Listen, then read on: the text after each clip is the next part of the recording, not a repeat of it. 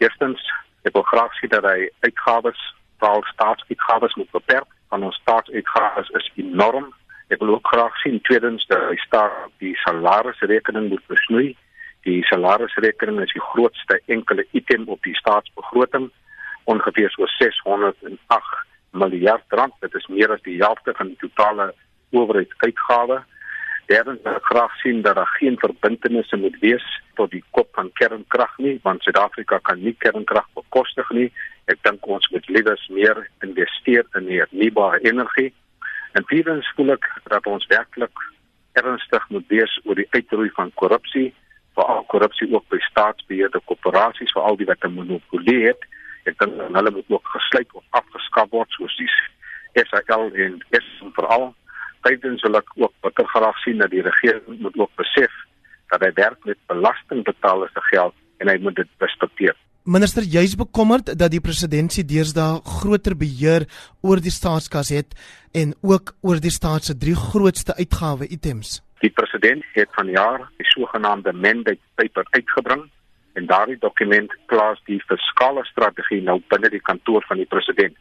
So ons almal weet van staatskaping, maar hierdie jaar het ons gesien dat die president se kantoor nou ook die finansiële beheer oorgeneem het van die nasionale tesourie in dit binne die kantoor van die president geplaas. Daardie wyse het die president ook nou die nasionale tesourie gekap. So ek is bekommerd daaroor, maar ek wil graag sien dat ons ook werklik ernstig is om staatsuitgawes te besnoei. Ek dink daar is drie enkele items op die owerheidsbegroting wat ongeveer 69 van totale owerheidsuitgawes dek en dit 'n salarisrekening, die delging van die skuld as ook die maatskaplike toelaas. So daardie drie items is enorme implikasies vir die staatsbegroting. So belangrik vir my ons moet staatsuitgawes besnoei en ons moenie belasting verhoog nie. Daar is 'n versigtiging by baie ontvangers van hierdie maatskaplike toelaas dat dit verhoog moet word. Wel ek dink uh, wanneer die ekonomie nie groei nie, is daar groot druk veral op die arme mense. Mense kan verwag dat daar groot druk sal wees. Ons het ook 'n ernstige droogte, dit het ook implikasies op voedselpryse. So het ek werklik diep begrip dat die armes baie meer onderwerp is aan ernstige noodtoestande veral kos en ons sien ook uh, voedselinflasie toegeneem. So ek dink die veiligheidsnet vir die armes is onder druk en daarom is dit belangrik dat mense ook binne die begroting voorstelle sien om ook voorsiening te maak vir die arme mense. Die Weskaap se bydrae tot die nasionale fiskus beloop in die omgewing van 195 miljard rand.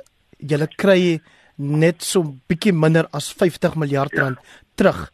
Maar ek is tevrede dat ons terugvoering wat ons kry is dat ons ook dis 'n bydrae maak tot die herverdeling van ons finansiële fiskale beleid ten opsigte van Suid-Afrika. Ons het 'n ver verantwoordelikheid uh, teenoor die res van Suid-Afrika, maar ons is ernstig bekommerd dat die sogenaamde toedeling van fondse tussen die provinsies nie gekenmerk word deur billikheid en regverdigheid nie veral as mense kyk na die toestroom van veral leerders uit verskillende provinsies. Ons glo dat wanneer daar die leerdergetalle toeneem ons het jaarliks 'n groot toename in leerdergetalle jaarliks by ons skole en ons wetenskap word nie noodwendig daarvoor vergoed nie.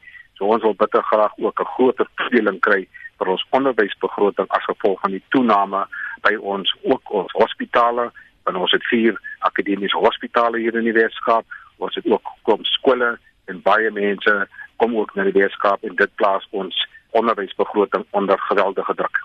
Watter invloed het hierdie toename van mense van elders af na die Weskaap op die huidige waterkrisis? Ek dink ons het 'n ernstige krisis hier soos ons almal weet in die Weskaap. Ek het reeds verlede jaar toe ek die begroting te tafel gelê het, het ek ook 'n fiskale risiko register gepubliseer.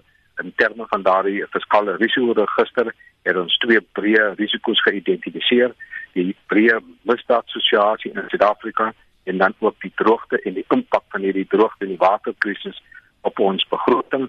En dit is hoekom ek vanjaar in Junie maand het ek self 75 miljoen rand ook aangewend vir die situasie in die rande wat ons ook gekry het daar spesifiek in Nysna omgewing en ook voorsiening gemaak vir boorgate.